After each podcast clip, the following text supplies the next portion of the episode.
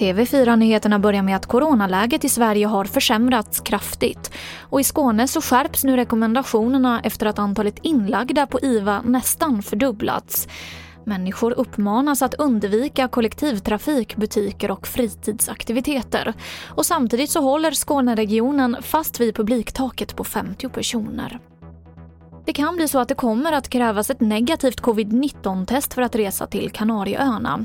Det lokala styret väntas senare i veckan klubba igenom en ny lag som kräver att alla turister som besöker ögruppen måste visa upp ett negativt covid-test. Och jag avslutar med att en man döms till ett år och fyra månaders fängelse för grovt artskyddsbrott. Domen föll i förmiddags i Allingsås tingsrätt i det största artskyddsbrottmålet i sitt slag i Sverige.